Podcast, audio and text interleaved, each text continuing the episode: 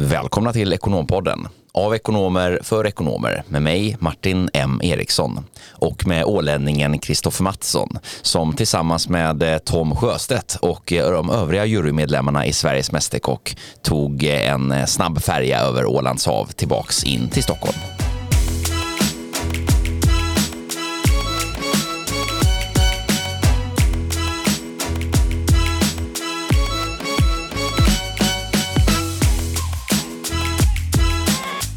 Undrar vad som hände i produktionen när de bytte Maldiverna till Åland. Visste du det att Mästerkockarna ska till Åland här i veckan? Ja, men jag fick ju höra det från Sofia, vår producent, som, eh, som berättade det här eh, i morse. Eh, och just sa det att eh, nu är det nästa avsnitt här då, eh, samma vecka som vi ju släpper det här avsnittet där, Ja. eh, där man spelar in på Åland. Man blir ju väldigt stolt. Du såg väl det när, när Tom då, han, vad var det du sa, att han hade dragit ner någon, eh, någon eh, dragit ner flaggan eller dragit ner någon bild i Ja, men de har ju programmet. alltid gissningslek eh, inför vart de ska ta vägen nästa Mm. avsnitt. Så då gav han en liten kort beskrivning om att det var en ö i Östersjön eh, som danat ur havsvågor eller vad han nu sa och då gissade jag ju direkt att det var Åland och det var det.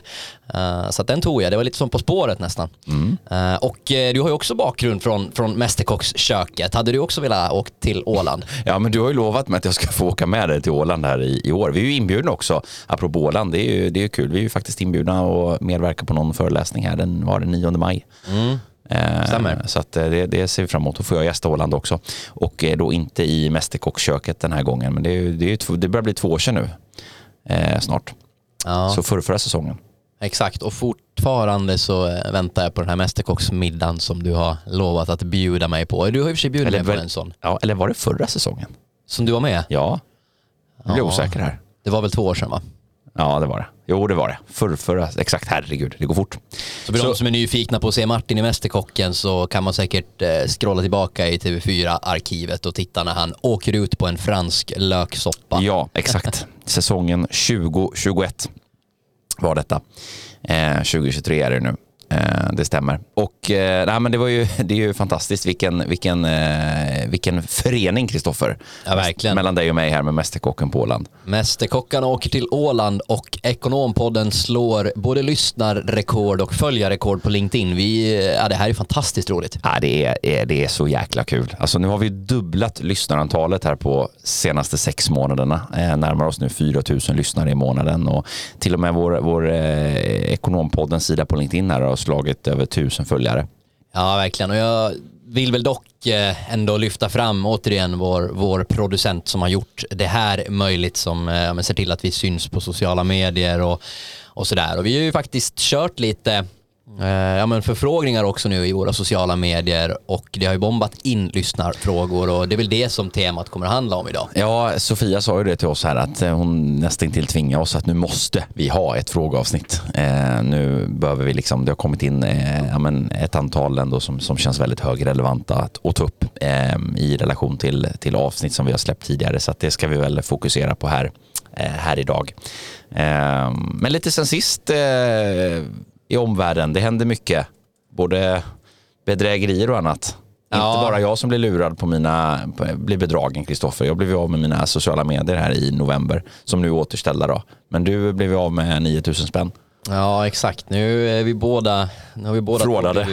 frådade och, och jag kommer inte gå in på detaljer om exakt hur det här gick till, men eh, köp till. aldrig grejer på Blocket när du har druckit alldeles för många glas vin dagen innan, för då är man lite mosig i hjärnan och så kanske man inte riktigt tänker eh, klart. Och det finns många bedragare där ute och det är ju verkligen har varit teman, eller temat egentligen, även i podden tidigare, men det ökar ju hela tiden om folk som försöker bluffa och bedra dig på, på både pengar och identiteter och, och, och sådär. Eh, Så vi kommer också ha ett inslag om det här senare under året om informationssäkerhet och cybersecurity och det är väldigt, väldigt många som frågar om just det också. Ja, det kommer mycket frågor på det ämnet och det, det som du säger, det kommer vi släppa här i, eh, med en, en, eh, ett, ett riktigt proffs inom det här som vi ju har äran att eh, faktiskt eh, eh, gäst, som gästar oss då här i Ekonompodden-studion. Så det släpper vi här under våren. Eh, ligger i produktionsplanen. Så det ser vi fram emot. Det gör vi. Och det, ämne. jag får ju väl skatta mig lycklig att det kostade 9000 kronor för mig bara att bli lite mer uppmärksam på eh, de här skojarna. Eh, det hade ju kunnat vara värre. Jag hade en, en åländsk bekant, det har ju på tal om Åland varit väldigt mycket bedrägerier där. Jag tror det var en kvinna som hade blivit av med 90 000 euro. Eh, ja, och det är ju fruktansvärt. Mm. Undrar man hur det gick till. Ja, nej men eh, och sen sist då, jag har återhämtat mig efter den här eh, dramatiska blindtarmsoperationen och eh, åter i träning också känner att humöret, inte bara för att vårkänslorna infinner sig när det blir varmare och solen skiner utan jag får även vara ute och hade första löprundan utomhus här för en vecka sedan och det var fantastiskt skönt att vara igång igen. Men tyvärr så har jag ju fastnat i det här godisträsket nu. Jag är en riktig eh, lösgodisrotta och nu när man liksom låg stilla och var stillasittande då käkade jag väldigt mycket godis och nu har jag blivit fast i det här beroendet.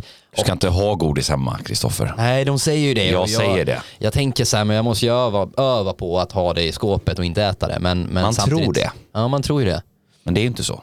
Nej, du, du drog en, en, eh, ett föredrag här om vad heter det? tankekraften eller viljekraften. Exakt. Det finns ju eh, forskningsstudier som, som tydligt pekar på att eh, mängden eh, willpower då, som är den termen man använder i det här sammanhanget då, eh, alltså viljestyrka, eh, den är begränsad, den är som ett batteri. Eh, du får liksom en, en, en viss mängd eh, till dig varje dag. Eh, och den kan du ju liksom på olika sätt träna upp såklart. Ehm, men överlag så är det ju eh, så att den ändå är i någon form en begränsad resurs per dag. Och poängen med viljestyrkan är att viljestyrka använder du i väldigt många olika delar av din vardag. Ehm, alltifrån eh, ta dig ibland till gymmet, eh, motstå godis, fokusera på att lägga in en extra växeln när det är deadlines i jobbet och sådär.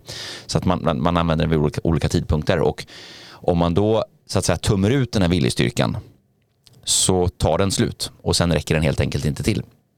Och då blir det sådär att ja, men, står du emot det här godiset Eh, vi, vi leker med tanken att du har 100, vi säger att vi hittar bara på att du har 100 enheters viljestyrka per dag.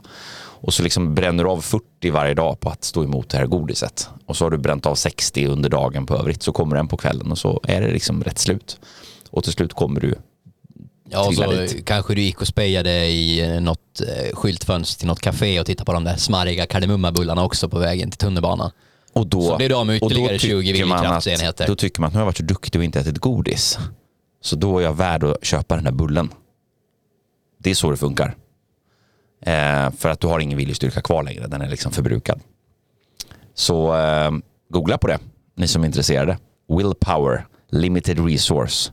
finns eh, jättemycket spännande forskningsstudier och det, då faktiskt börjar man ifrågasätta lite så här, hur, designar man sin, hur designar man sin vardag och sin omgivning och poängen är ju det här att man, man vill göra den så pass eh, strukturera omgivningen på ett sätt så att man inte behöver jobba med för mycket viljestyrka eftersom det är en begränsad resurs. Det är precis som vår kära planet Moder Jord. Och på tal om Moder Jord så ska vi nu hoppa in på frågebatteriet och eh, besvara en fråga om hållbarhet.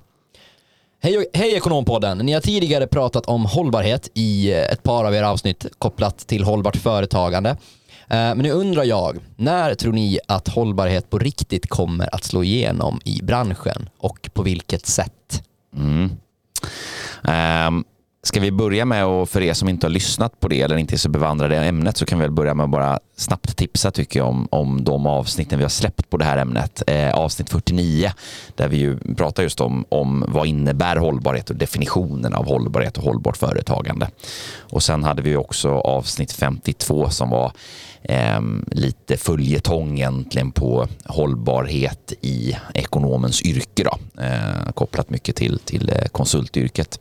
Men framförallt avsnitt 49 där vi pratar om hållbarhet och, och hållbart företagande.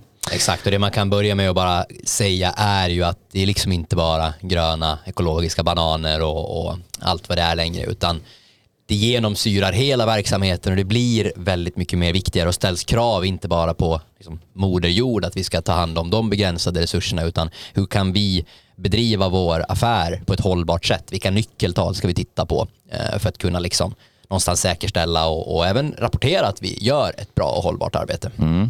Men svar på frågan här då. Eh, när tror ni att hållbarhet på riktigt kommer slå igenom? Eh, svaret är väl att det kommer nog slå igenom vid olika tidpunkter inom olika områden. Eh, vi, vi frågeställaren frågar här om branschen också. Det är ju, eh, vet inte exakt perspektivet på den frågan då, men inom olika, eh, inom olika eh, segment så, så ligger man ju mer eller mindre långt eh, olika i framkant. Eh, generellt sett om man liksom tittar historiskt på så här skiften som har skett. Eh, nu är vi liksom inne i ett sånt skifte till exempel med hållbarhet och sådär.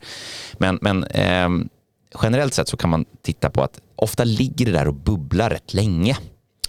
Eh, man pratar om det rätt länge, det pågår och liksom är på gång och sen när det här skiftet väl kommer, då är det som att det liksom bara går över en natt och plötsligt så är alla där. Eh, det kan vara så inom ett specifikt segment, inom en specifik bransch. Eh, det kan vara små skiften, stora skiften. Och vi, vi har, ju, har ju lite exempel som vi, vi tänkte vi ska komma in lite på Eh, på senare här eh, om hur det kan ha sett ut. Sen är det så här också för att förstå lite grann vad det är som driver då de här skiftena. Vad det är som skapar till exempel då nu slår hållbarhet igenom. Ja, men dels eh, kan det vara olika typer av regleringar Alltså rent lagkrav, att, att, man, att man reglerar och ställer krav. Ehm, det kan finnas konjunkturella skäl. Eh, alltså en, en, en, stark konjunktur eller en tuff konjunktur kan ju bägge de så att säga ehm, både hindra och främja eh, olika typer av skiften. Geopolitiskt, eh, alltså så här, bara nu att vi har, har en viss situation med, med krig i närområdet och plötsligt liksom fokus på Eh, energiförsörjningsfrågan och sådär. Det, det händer mycket i vår omgivning som, som, som påverkar och präglar det. Så att, så att man behöver liksom förstå lite grann så här, vilka drivare är det som, som driver på det och då inom kanske till exempel eh, min bransch eller mitt affärsområde eller eh, den affär vi, vi liksom är verksamma inom.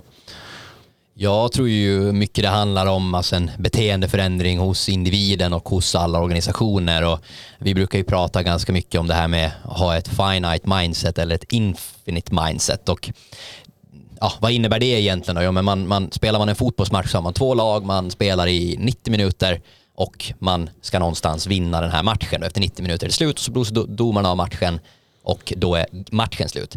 Men, och så fungerar det ofta att man liksom man ska bli bäst i branschen. Man ser ofta sådana slogans och, och sådär. Eller man ska slå eh, konkurrenterna. Slå konkurrenterna. Och det är ju liksom eh, ett, ett ganska finite mindset. Alltså att man någonstans har ett end goal. Matchen kommer att ta slut. Jag tror nog snarare man får se vad är min impact på eh, planeten, organisationen, i teamet, i allt det eh, jag gör.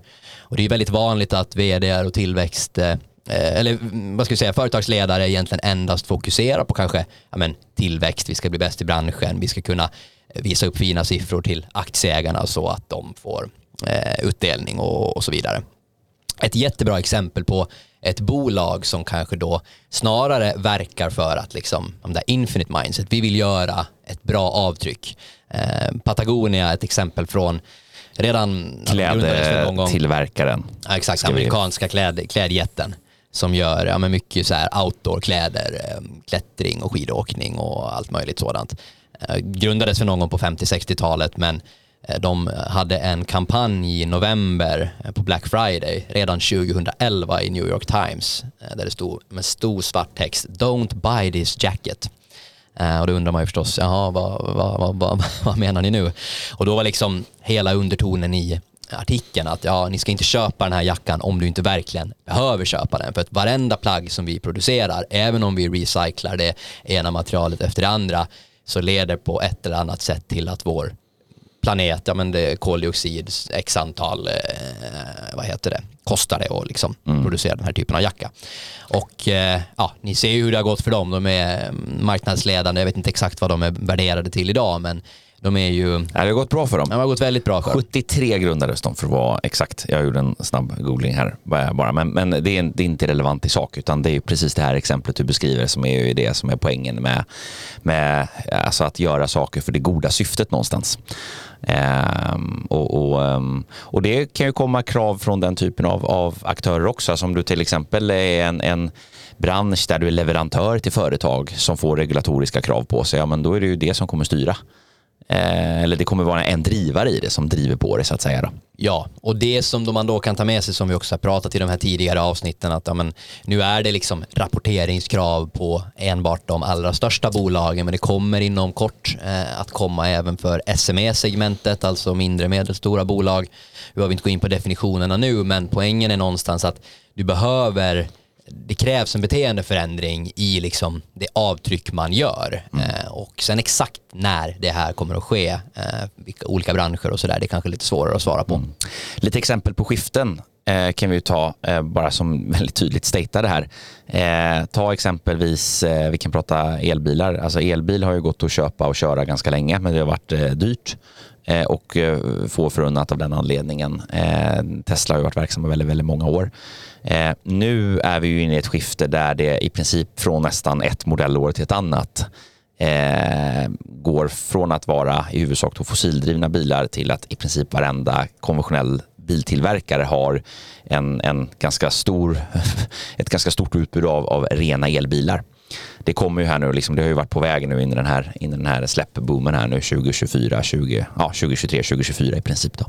Så där, och nu är ju skiftet här och är du då inte med där, då är du inte längre relevant. Du, man, man, har pratat om elbilar hur många år som helst, men nu sker skiftet. Eh, samma sak så här, vi pratade om i uppsnacket här förut om eh, innan vi gick in i studion om det här. Vi satt och pratade om eh, andra exempel, så här, till exempel föreställer bara en lunchrestaurang. Föreställ den första lunchrestaurangen som skulle säga så här idag. Vi serverar en lunch som är totalt klimatneutral. Den har noll, noll avtryck på omvärlden. Problemet är bara att den kostar 800 kronor att köpa. Och har man en hållbar affär då? Nej, det har man inte. För det finns ingen som kommer betala 800 spänn. Eller väldigt få kommer att betala 800 spänn för en lunch. Tillräckligt få för att den här lunchrestaurangen inte ska eh, gå runt den. Men den dagen som den typen av verksamhet plötsligt då är mycket, mycket mer utvecklad och där det finns, går att lösa den här lunchen som är totalt, klimat, totalt klimatneutral eh, för 150 spänn istället. Ja, då kommer varenda restaurang som inte är där inte att vara relevant längre. Och det där skiftet sker väldigt fort. Så att timingfrågan är ju, den kan ju vara svår att, att liksom sia om. Men man måste ju ligga i framkant vad gäller att ta frågan på allvar. Ehm, och sen får man ju försöka titta lite på och identifiera vilka är drivarna i just mitt segment? Vilka är drivarna i just min bransch? Ehm, I vissa branscher kan det handla om att det finns begränsningar i till exempel leverantörsledet och då är det ju det som kommer att vara skiftet eller en stor drivare för skiftet. I andra segment handlar det om reglationskrav. Produktion. Vad sa du? Produktion. Ja, exakt produktionsförutsättningar. I andra kan det vara regulatoriska krav. Eh, vi har ju flera exempel på det, till exempel eh, GDPR var ju eh, ett, ett sånt skifte. Eh, där det, det, var ju satt till den 25 maj 2018 och det var, den, det var den dagen som var covid. Det var ett skifte som vi inte visste skulle komma. Men det handlar om att jobba remote. Och det hade du, har du industrier som har varit vana att jobba remote hur länge som helst. För dem var det ju inget, för dem var det inget nytt. Men ta till exempel hela bank finansindustrin där man har pratat hur länge som helst om att men, i vissa roller kan inte jobba hemifrån. Plötsligt så var de tvungna också att jobba hemifrån och man var tvungna att lösa det. Så att försöka identifiera vad är de tänkbara drivarna som kommer att vara avgörande för skiftet och bevaka dem. Det är väl egentligen det bästa svaret vi kan ge för att eh, ha förutsättningar att kunna navigera, navigera när väl skiftet kommer. Nästa fråga eh, som ju handlar om eh, kanske ett väldigt stort skifte som vi är inne i just nu eh, som lyder som följer. Vad är era tankar om AI och på vilket sätt tror ni att funktioner såsom ChatGPT kan revolutionera ekonomens vardag? Ja, det här är mm. ju jättespännande. OpenAI och den här chattroboten som ju nog inte har undgått någon. Och det här har vi fått en del frågor om faktiskt. Och Eh, här ska vi väl först bara kanske disclaima att vi är väl inte experter och det finns många smarta människor som redan har både det ena och det andra och det tredje och det fjärde användningsområdet. Men vi kan väl försöka ge våra takes på det och man brukar väl kalla det nu miniräknaren för skrivande och det nådde nu över 100 miljoner användare i februari 2023 tror jag. Alltså den här ChatGPT-tjänsten. Exakt, som är eh, egentligen ägs, eller det är en, det är en produkt som, eller vad ska vi säga, en tjänst som OpenAI egentligen lanserat då, en chattrobot. Eh, och eh, det är ganska intressant, jag tror alltså en miljoner användare, det tog, det tog den här chattroboten fem dagar. Motsvarande då Facebook tog det tio månader, Spotify fem månader och Netflix på ja, 1999 så tog det tre och ett halvt år. Att komma upp i en miljon användare. Exakt. Fem dagar, det är, det är helt otroligt. Vilken helt user sanslöst. acquisition. Och Microsoft eh, har investerat omkring 10 miljarder dollar, om jag inte minns fel, i OpenAI då som är bolaget bakom eh, chatten.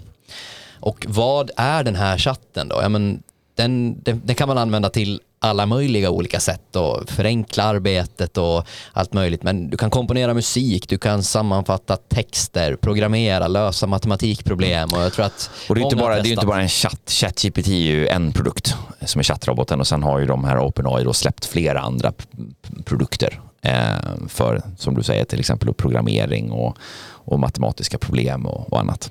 Exakt, och ett eh, jättebra exempel här som eh, vi stötte på bara för ett par veckor sedan så kom du till mig och hade skrivit en riktigt härligt bra engelsk text och då sa jag att du borde lagt in det där och översatt det i, i, i chatten och den blev nästan klanderfri. Ja, det var, det, var, alltså det var skrämmande. Det var ju en, exakt, jag hade suttit och gjort en översättning av en, eh, av en juridisk skrivelse på typ en halv sida. Som hade tagit mig säkert två timmar att översätta. Eh, vilket man ju ja, tyckte att då har man gjort det bra. Och sen så tog det ju den här, det tog ju den här OpenAI-översättaren, eh, det gick ju på tio sekunder, knappt. Och det var, det var, ja, det är helt otroligt. Ja, och det är ju det som är väldigt, väldigt häftigt med det här att ja, men man kan ju be den att skriva ett kort och koncist mail eh, om att jag är intresse, inte är intresserad av att köpa de här produkterna så får du ett förslag och sen så kan du därefter bara ja, men utveckla det här mailet, var lite trevligare och så skickar den ett, ett, ett, ett längre då förslag. Och det man kan säga är väl dock att alltså många är ju väldigt rädda för att ja, kommer AI ta över våra jobb eller den här kanske då chatten. Vi, vi, vi pratar om den nu för att göra det lite enklare. Eh, men jag skulle snarare säga att den här är ju inte liksom, det är ett work in progress. Ta till exempel Google Translate som, som ju också var så här, det lär sig hela tiden, den blir bara bättre och bättre. För varje gång som Google Translate översätter någonting eh, och en användare eh, ger ett exempel då på att ja, men, tänk så här istället så, så blir den bättre. Precis så är det ju med den här chatten, att jämför med den för bara två månader sedan så är det någonting helt annat idag det, det här är ju ett, ett skifte som många andra historiska skiften också eh, har varit. Alltså, I alla år har ju människor varit eh, rädda för vissa människor, inte alla då, men, men en del, eller mänskligheten, så här att om nu, nu händer någonting här, nu, nu sker ett skifte och vad innebär det här för oss? Och det är ju en förändring det innebär. Alltså det är en förändring i, i arbetssätt såklart, i form av att ja, men AI blir ju på så sätt en nära kollega, en integrerad del av din arbetsprocess. Och där ju är också ett verktyg eh, som effektiviserar ens egna arbete. Så att det gör ju att man får förutsättningar att, att leverera på en helt annan nivå. Det blir ju en, en output som blir långt, långt mycket större än vad en, en enskild människa klarar av att, så att säga, göra själv. Och det är det som är det häftiga någonstans när eh, när, när också det här skiftet sker och på vilket sätt det kommer revolutionera. Men det kommer revolutionera på väldigt många olika sätt, väldigt många olika grenar av en verksamhet. Eh, alltifrån att, Nej, men några exempel, jag läste här en nyhetsurklipp, det var två stycken hamburgar, eller två stycken personer uppe i Ingo i Finland som driver en hamburgarrestaurang. Tina Naka och Jukka Utama eh, har skapat en ny hamburgare genom den här chattroboten och de höll på att spåna idéer. eller så. genom artificiell intelligens. Ja, nej, det var faktiskt via den Det här var chatten. chattroboten. Åh, herregud vad häftigt alltså. Nej, det är otroligt. Och då hade de en idé om att ja, men vi skulle vilja skapa en burgare med liksom, citron och lakrits och så hade den idéer fram och tillbaka och så föreslog den lakritspulver men så tyckte de att, eh, så smakade de och så tyckte de att lakritssås var bättre och så slutade det med att de komponerade månadens burgare eh, som då bestod av pulled chicken och några grönsaker och citron och lakritssås. Det låter ju inte fantastiskt smarrigt men, men väldigt intressant kan jag tycka. Ja, men de ger ju säkert feedback sen till den här eh, till eh, AI också. Då lär ju den sig. Och det är ju precis på det där sättet som är, som är då. Men för ekonomen så är det ju, det har ju pågått längre. Det var ju samma som när systemen kom. Alltså mer eh, liksom smarta system. Ta bara skanning av fakturor. det, det är ju liksom så här, det är ju, det är ju standard idag, inläsning och tolkning. Och det har ju förändrat rollerna i, den, i det flödet. Och det blir samma då kanske redovisningstekniska problem eller analyser. Så att det blir ju smartare och smartare hela, hela tiden. Eh, och framförallt kanske ett, ett sätt att men, plocka upp beslutsunderlag och göra kopplingar i data. Tittar vi idag till exempel, det är en jätteutmaning idag, så här, vilken data är relevant? Jag såg ett jättespännande inslag eh, som handlar om eh, cancerbekämpning.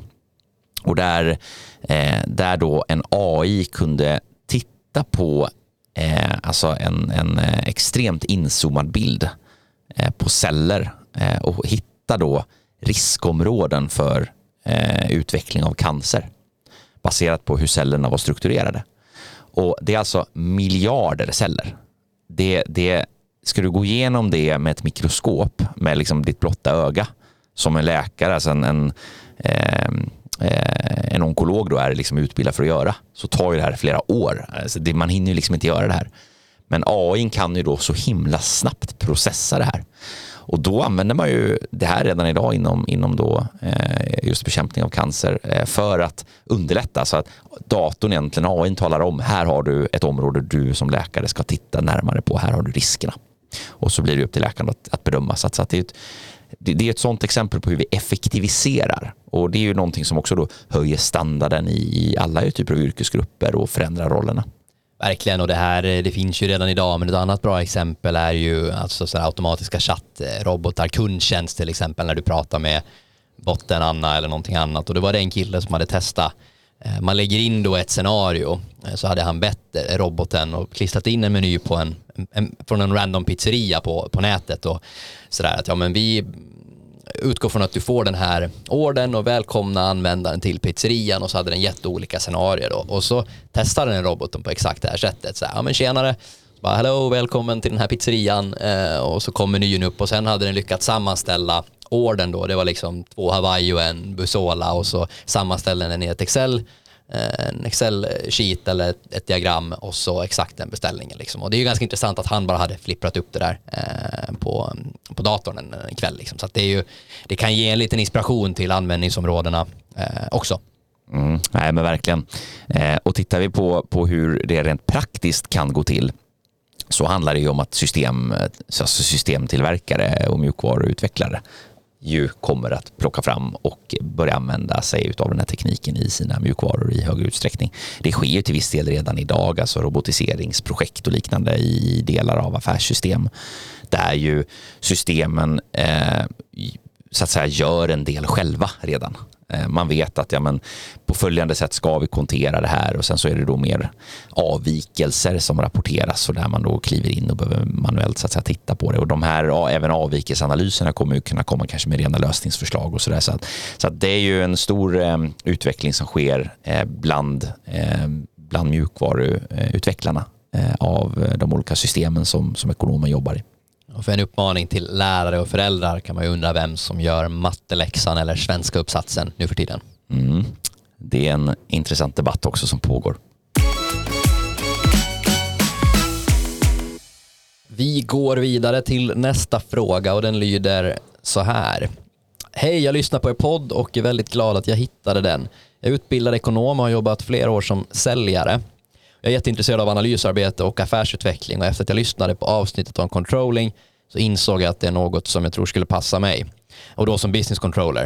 Eh, men hur kan jag som inte har jobbat inom området byta karriär och landa ett sånt jobb? Kan ni ge mig några konkreta tips till mig och andra som är i samma sits? Mm. Jättekul fråga. Ehm, Vi kan ju nämna det, vi har fått en del frågor också om ja, men, utbildningar och ja, men, det var en som jobbade som mäklare och till exempel var intresserad om inom det här området och ja, hur kan man, Ja, men kan man exakt. tillskansa sig kunskap? Fråga på. Vi svarar ju inte, vi svarar på alla frågor, men vi tar inte upp alla frågor i podden. Eh, men vi svarar på dem löpande. Eh, nej, men jättespännande, relevant fråga. Eh, ett område som jag tycker är otroligt roligt, för det handlar om utveckling, eh, om hur man tar sig framåt. Och, Eh, den klassiska bilden av att man tror att man står någonstans och så ska man komma någon annanstans och så ska det där liksom bara vara i ett, ett hopp och så är det ju inte utan det är liksom en progress och en, en utveckling. Eh, men det är ju definitivt ett, ett spårbyte som ju på något sätt behövs här och, och vi kan vi resonera lite om på vilket sätt man kan göra det. Precis. Först kan man väl ställa sig vilken är branschen och liksom gräv där du står. Vilken, eh, var verkar du? Vad är det du säljer då? Om vi eh, försöker besvara den frågan. Ja men exakt. För just business controller-yrket och, och eh, frågan, frågeställaren frågar ju här också just om det här med analysarbete och intresserad av analysarbete och affärsutveckling. Och analytisk förmåga är ju en förmåga. Affärsutveckling är ju mycket liksom en kompetens också. Ehm, men då inom vilket segment har du en befintlig erfarenhet? Exakt som du är inne på här. Ehm, vad har du för branschkompetens eh, och på vilket sätt kan du inom just det området eh, komma vidare? Eh, så gräva där man står. Och, och, och ett, ett liksom lämpligt nästa steg det är ju inte att direkt söka en business controller-roll för att där kommer man med största sannolikhet inte vara särskilt, eh, särskilt eh, eh, aktuell eh, såvida man inte vill gå in på en juniorroll och det, det kanske man inte riktigt av löneskäl och sådär vill om man har, en, har en, en arbetslivserfarenhet i ryggen utan första steget blir väl att försöka identifiera eh, en roll med inslag från det här, de här områdena, alltså controllingområdet som man är intresserad av. Det kan ju vara i någon form av produktägarroll eller någon form av eh, annan säljmarknadsroll, men där man får jobba med eh, den här typen av arbetsuppgifter eh, som är controllerliknande. Analys, affärsutveckling, prognosarbete, marknadsanalyser där man på så sätt kan bygga sin kompetens i det och, i, i, och kunna liksom, så att säga, sätta det på sitt CV och visa på att här har jag jobbat med, med controlling som en del av min roll. Det är inte den rollen jag söker, men jag bygger upp den kompetensen för att i nästa skede kunna söka en ren controllerroll som man då får tack vare sin ju, faktiska controllerkompetens. Så att man, man tillskansar sig controllerkompetens utan att faktiskt vara i en controllerroll. Det är liksom ett steg att, att börja den processen. Ja, förflytt, förflyttningen sker stegvis och sannolikt så om du har kommit fram till att du tycker om analysarbetet så sitter du säkert och gör en del av det här idag. Och då Exakt. handlar det väl mer om bara om hur ska jag kunna förmedla det till någon som sen kanske vill anställa mig i nästa roll. Förtydliga mm. vad du har gjort och sen vet vi ju tidigare, vi pratade om det här med begreppsdjungel också då, om vad man kallar sig och vad man skriver på sitt CV. Men du kan säkert skriva eh, business controller eller sales controller där på, på, på sitsen. Ja, nej men så är det och herregud, jag har ju träffat, bara för att nu är det en säljare som frågar här, jag har ju träffat alltså controllers sales controllers i organisationer som är ute på kundmöten. De är ju med och säljer ibland för att de har viss insikt om eh, delar av liksom det erbjudandet till exempel som man levererar eller att man har en väldigt, väldigt god marknadskännedom och liknande och stöttar faktiskt säljare i liksom säljprocesser. Så det är ju samma sak åt andra hållet. Du kan ju komma från controlleryrket och tycka att jäklar vad kul det är att driva projekt och jobba med försäljning och att du faktiskt redan gör det här idag. Så att man ska försöka fokusera på innehållet i rollen precis som du, som du är inne på Kristoffer och beskriver snarare än bara vad som står på titeln. Ja, och nyttja nätverket även internt där du är och eh, där du jobbar. Alltså kanske man kan göra om rollen lite och till och med på pappret få liksom 30-40 eller kanske en halvtidstjänst inom bolaget och börja jobba mer närmare kanske finans och ekonomi i organisationen om du, du jobbar som säljare till exempel. Precis, och kan jag också fundera på vilka personer som man känner, eh, alltså om det är en befintlig organisation man är i. Vilka personer känner jag runt om i organisationen som man kan bjuda ut på lunch och höra om hur det är att jobba i den funktionen, i den avdelningen och där det kanske finns möjligheter att kunna göra en intern förflyttning. Alternativt människor i andra, eh, andra bolag, eh, bekanta som man känner, bjud ut någon på lunch, eh, bygg nätverk och, och inspireras av, av, av, andra personer. Eh, ibland som man kanske också gjort liknande resor. Det är också ett sätt att hitta någon person. Gör en eh, search på LinkedIn efter någon som lite har gjort den här resan. Sök ja, på exakt. säljare och controller och hitta bara. Jag är helt övertygad om att det finns massvis med, med människor där ute bara runt hörnet där man faktiskt eh, kan hitta personer som har gjort precis den här resan och bjuda ut dem på lunch och fråga hur gjorde du? Ja, precis. Det där har vi tjatat om väldigt mycket tidigare också. Att ja, men, nyttja ditt nätverk och eh, var frågvis och var nyfiken och ha ett growth mindset. Mm. Sen kan vi väl bara jättekort eh, det här med kurser och, och, och sådär också benämna att det är ju, det är ju ganska svårt eh, beroende på vilka kurser man tittar. Jag vet att FAR har en par om, om bli certifierad controller och eh, de har en för redovisningsstyrning och, och controlling, alltså lite mer financial controlling inslag och sådär. Där är väl bara generellt så får man väl försöka titta på liksom, vad är kursutbudet, vad går man igenom och samma sak där, nyttja ditt nätverk. Är det någon som jag känner som faktiskt har gått den här kursen, gav det någonting och sådär. Jag menar kunskap är ju alltid bra. Sen får man ju ställa det i relation till tiden det tar och kostnaden det tar att, att liksom, eh, att få det här? Eh, och är det några praktiska inslag i det? Eh, för det är alltid liksom den här eh, ja, vägningen mellan teori kontra praktik då. I det här fallet så kanske en snabbare väg är att gräva där du står inom den organisationen som du faktiskt är duktig på när du ändå vill jobba verksamhetsnära och säljer och har obviously bra koll på den produkten eller tjänsten du säljer. Vi rullar vidare eh, och eh, då lyder följande fråga så här. Hej, jag har lyssnat på ett er podd eh, ganska länge och jag vill verkligen tacka för all inspiration och det som jag redan har lärt mig.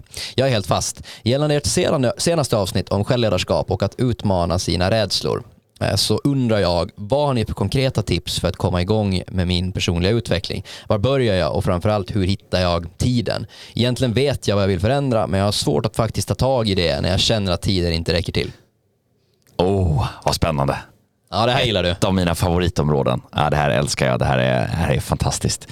The eh, mic is yours. Ja, tack. Eh, nej, men eh, det är väl ganska vanligt. Det, det, är ju liksom på något sätt lite så här, det, ibland det klassiska ekorrhjulet. Eh, och det gäller väl alltifrån eh, individer själva i sitt liv, i sin yrkesutövning, i sin vardag. Det gäller oftast organisationer. Vi pratar om det med självbild och så här har vi alltid gjort. Varför då? Ja, nej, men det för att vi alltid gjort så här. Um, och, och, det är lite svårt att ifrågasätta och utmana. Um, och det enkla svaret på den här frågan, uh, för att citera Johannes Hansen, uh, som är uh, ett riktigt proffs på det här området, det är ju att du har inte tid för att du inte har tid. Alltså jag tycker att det är ett sånt extremt lysande, lysande citat och insikt. Um, man behöver ju först och främst liksom välja bort och avsätta. Eh, avsätta Prioritera. Eh, ja, men exakt. Eh, välja välja bort. Alltså, tid är ju en, en begränsad eh, resurs. Ehm, och, och, hitta och avsätta tiden. Ehm, en annan resurs som också är begränsad, eh, som funkar på ett lite mer intressant sätt än tid gör, det är resursen energi. Den tycker jag är jätte, jättespännande. Det här Vi pratade ju viljekraft tidigare och ja, energi. Ja, exakt. Och energi är en sån här resurs som, som eh, inte är ändlig på samma sätt som tid och den är liksom inte lika, eh, den är inte lika det är mer som en valuta som kan variera, värdet kan variera över tid. Eh, jag ska förklara lite vad jag menar här. Jag började jobba med det här själv för strax över ett år sedan. Att eh, börja eh, värdera mina val i eh, värdet av energi. Och titta då till exempel på, men jag vet vad jag vill förändra, jag vet vad jag vill göra framåt, jag vet vad jag vill ha mer av, eh, eller jag har en idé i alla fall om vad jag vill göra. Okej, okay, men vad är det som hindrar mig idag och vad är det som ger mig förutsättningar att komma framåt? Och att då börja titta på de val man gör, alltså titta på hur en vecka eller en arbetsdag ser ut eller en, en eh, Eh, en kväll ser ut eh, hemma på fritiden eller en helg ser ut eller vad, vilket liksom tidsperspektiv man än tar. Ta en vecka, det är ett bra, ett bra tidsavstamp. Och titta på de aktiviteter man utför och ställa frågan så här, vad är det som i den här aktiviteten ger energi och vad är det som tar energi och hur mycket av bägge? Och grundtesen när man börjar prata om energi, det är att allting du gör både ger och tar men i olika mängder. Och det intressanta med energi det är att det kan ge och ta också i olika mängder vid olika tidpunkter. Alltså till exempel så kan ju en viss aktivitet, eh, låt säga ett, eh, ett, eh, en middag med vänner, vara väldigt energigivande och man känner att man får väldigt mycket av det och det kostar inte särskilt mycket. Men Eh, vid en annan tidpunkt där man kanske är rätt slutkörd och haft mycket och varit väldigt fokuserad och varit mycket i sociala interaktioner och sociala sammanhang och är rätt trött så kan man känna att exakt samma middag den kommer att ge mycket, mycket mindre och kosta mycket, mycket mer energi. Så att börja liksom värdera sina beslut i sin tillvaro baserat på den här energibalansen. Vad är det som, hur mycket ger det, hur mycket tar det? Och börja titta på det man gör med den valutan. För det, det, är en intressant valuta, för det är en valuta man aldrig lär sig riktigt att, att, uh, att hantera. Det är ju tid och pengar är ju vanliga valutor. De, de kan ju de flesta. Man kanske kan eh, nyttja samma teknik här då med 100 energienheter per dag till exempel.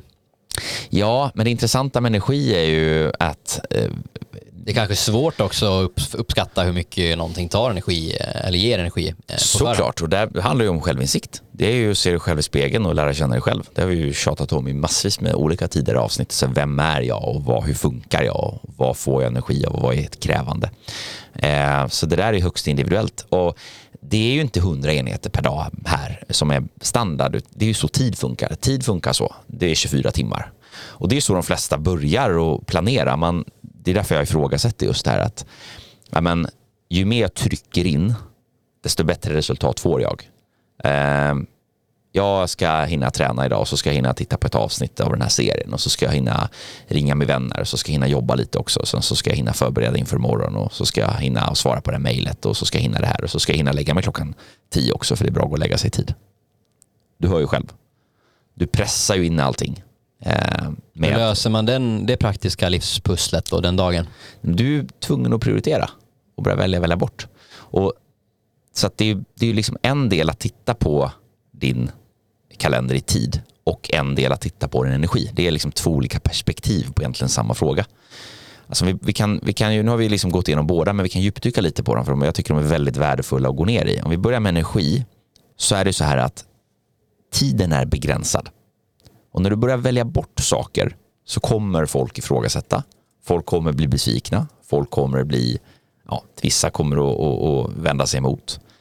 Eh, just för Det kan ju ta energi så ligger du där och har dåligt samvete för att du har, blivit, för att du har valt bort någon. Ja men så, så är det. Så att du måste, men du måste dra gränser och börja säga nej. Du kommer göra andra människor eh, besvikna. Alltså du måste börja välja bort för att kunna välja in. Eh, och ta det klassiska exemplet, så jag vill börja träna. Jag vill börja träna tre dagar i veckan. Uh, och den tiden har du inte idag. Nej, men du måste, den tiden ska ju tas från någonting. Dygnet har bara 24 timmar. Så i den situationen kommer du behöva börja välja bort. Ja, eller välja benen istället för eh, cykeln. Alltså ja. du promenerar till jobbet och alla de här enkla grejerna. Du kan få in det under vardagen när du gör andra saker. Ja, men exakt. Och, och det intressanta är att där är ju de flesta ofta redan väldigt optimerade. Man, man, eh, man handlar eh, till middagen, powerwalkar genom matbutiken och pratar i telefon samtidigt. Exakt, och där är ju snarare en annan problematik att när får man det här lugnet, avkopplingen, att faktiskt bara så här Exakt. Och då kommer du till den andra intressanta valutan det här då, som ju då också är energin. Och då titta på, okay, men när jag väljer att agera på det här sättet, vad ger det för resultat i min, i min energibank?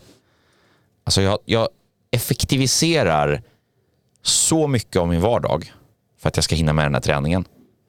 Men sen har jag liksom ingen energi till att utföra den på ett kvalitativt och bra sätt. Och då får man liksom börja fundera lite så här, men om det är enda alternativet, vad är det för träningsform som jag kanske ska ha då som inte är alltför krävande? Ska jag börja yoga då kanske? Ja, men det kanske är en träningsform som passar väldigt bra in i det här livspusslet. För den är inte så kanske mentalt krävande som tunga styrkelyft som kräver liksom en, en ganska stark mental ansträngning också för att klara av ett, ett sånt träningspass. Medan yogan är mer liksom meditativ och avslappnande.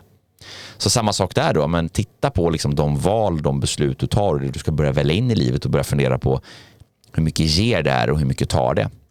Just för att titta på den här eh, energibalansen. Och då är det ju det intressanta med den här ekvationen är att man vill ju ha så mycket positiv nettoeffekt som möjligt. Man vill utföra de aktiviteterna som ger så mycket energi som möjligt och tar så lite som möjligt i anspråk.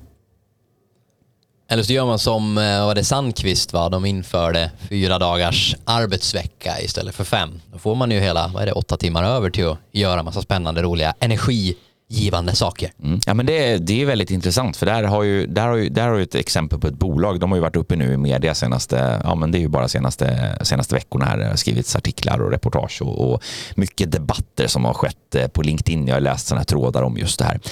Här är det ett jättebra exempel som du tar upp. Här har du ju exakt den här principen som vi tar upp här, som vi pratar om och som egentligen frågeställaren har. Men här har du ett bolag som har valt att ta det på ett mer övergripande plan och just titta på det här energibalansen. Vi konstaterar att vi minskar arbetstiden till fyra dagar per vecka istället för fem. Med teorin om att det kommer att ge dig utrymme att kunna göra mer saker som gör att du blir mer eh, energifylld. Du kan fylla på från andra håll som gör att du kommer prestera bättre under de övriga fyra arbetsdagarna. Det är, liksom, det är en teori och här har man ju tagit det Här har man ju liksom tagit det någonstans på ett, på, på ett, eh, på ett kollektivt plan och sagt att så här gör vi nu, det här gäller alla. Men principen är ju exakt densamma i ditt egna liv. Ja, det är ganska häftigt. De, de kör väl en, en, testperiod på sex månader tror jag och om resultatet faller väl ut så kommer det bli standard i, i bolaget. Då, så att man går ner och, och kapar arbetstid men alla får bibehålla sin, sin lön. Ja men precis. Och, och ehm, för att ge ett annat liksom perspektiv på samma fråga då, om vi tar exemplet då det här med, med energi, alltså energi då. Ehm, så hur en, en, en likadan aktivitet kan ge så olika energibalans eh, vid olika tidpunkter. Så ta exempelvis eh, det här med återhämtning och stress och sådär. Jag hör, lyssnade ju på eh, det var några år sedan så var det någon psykolog eh, som pratade om stress och återhämtning i eh, Nyhetsmorgon. Och han sa det så jäkla bra. Han sa så här att ja, men, om du ska återhämta dig från stress så eh, borde du titta på Eh, de aktiviteterna du har gjort eh, som har liksom bidragit till stressen. Ta en arbetsdag till exempel. Du är rätt slutkörd och stressad efter en arbetsdag. Hur har en arbetsdag sett ut? Vad har du gjort? Och sen gör du exakt tvärtom. Vi tar ett exempel. Jag har suttit i en arbetsdag bakom en datorskärm, fokuserat, läst i, i, på en skärm i, i tio timmar och jag har suttit still och jag har varit inomhus. Och jag har inte pratat med någon annan människa. Återhämtningsaktiviteten, det är någonting som är raka motsatsen. Det vill säga, det är att komma ut utomhus, det är att vara social, få prata, få interaktion med en annan människa, få röra på sig eh, och absolut inte läsa någonting. Då är ju inte hemma och sätta sig i soffan och läsa en bok den bästa återhämtningen. Men vänd på steken. Har du haft en arbetsdag som varit extremt eh, aktiv, social, du har varit ute, rört på dig, träffat folk, varit fysiskt aktiv, stått på en mässa en hel dag, varit igång hela dagen. Ja, men I det fallet kanske den bästa återhämtningen är komma hem, sätta sig eh, i soffan och bara få läsa en skön bok. Så att, och det är precis det här energi handlar om, att titta på hur olika aktiviteter ger och tar energi på olika sätt vid olika tidpunkter. Och det här är, när jag började jobba med det här så insåg jag så här, det är rätt häftigt när man kan börja liksom, hur mycket man kan börja styra sin, sin energinivå tack vare att liksom man börjar trimma och, och välja och välja bort baserat på det här. Verkligen, och det här kan vi också koppla fram eller koppla tillbaka till frågan om hållbarhet och det här med ja, men, finite och infinite mindset och även så här, ja, men, vad är hållbart för medarbetarna? Det är klart att det här projektet nu som Sandqvist genomför till exempel, det, det, är klart att det finns risker med att produktiviteten kommer minska och det gissar jag att det är den kanske största risken man, man kanske ser. Men jag menar förhoppningen är ju någonstans att den här förändringen också ska ge alla de anställda mer utrymme till träning, återhämtning, personlig utveckling och umgås med vänner och, och, och sådär. Energi lyftande grejer mm. som ju kanske i slutändan ändå gör att produktiviteten hålls, om, om inte annat på kanske lång sikt, på en ganska motsvarande nivå. Det kanske också leder till att flera stannar och trivs på jobbet och man kanske kan undvika kostnader för uppsägningar och, och sådär. Och det är ju ett ganska typiskt exempel på där man tittar på mm. the long run och inte kanske på produktiviteten eller minskad tillväxt eller liknande på kort sikt. Mm. Ja, men verkligen. Så där, eh, där har vi några eh, konkreta tips eh, med både att välja, faktiskt välja bort, eh, för man hinner inte med allting, eh, men också att eh, konkret jobba med, med energi som en, en, eh, en, eh, ett verktyg och ett, en valuta som man kan börja värdera sina beslut i. Och sen kan vi väl, jag refererade till Johannes Hansen i början, faktiskt tips om hans bok också, Tough Love, som är som en en eh, ren och skär handbok i eh, personlig utveckling eh, och förändring av sig själv. Eh, den är riktigt, riktigt bra och också eh, hans podd som finns att lyssna på. Eh, Johannes Hansen podcast som är riktigt, riktigt bra. Kanon, och sitter du och grubblar på något annat så tveka inte och eh, ställ frågorna till eh, oss så kommer vi besvara dem i den mån vi kan och hinner, inte alla i det här forumet. Och gillar du det du hör så ja, men, eh, sprid det här till dina ekonomkompisar som du tycker borde lyssna. Följ och gilla och, och allt vad det heter, gilla och dela. Mm. Och eh, vilka personer kommer du att tänka på när du har lyssnat på dagens avsnitt? Ta en printscreen och eh, skicka avsnittet till dem. Med det så eh, rundar vi av den här veckan och så återhörande om två veckor igen. Ha det gott! Ha det gott! Hej!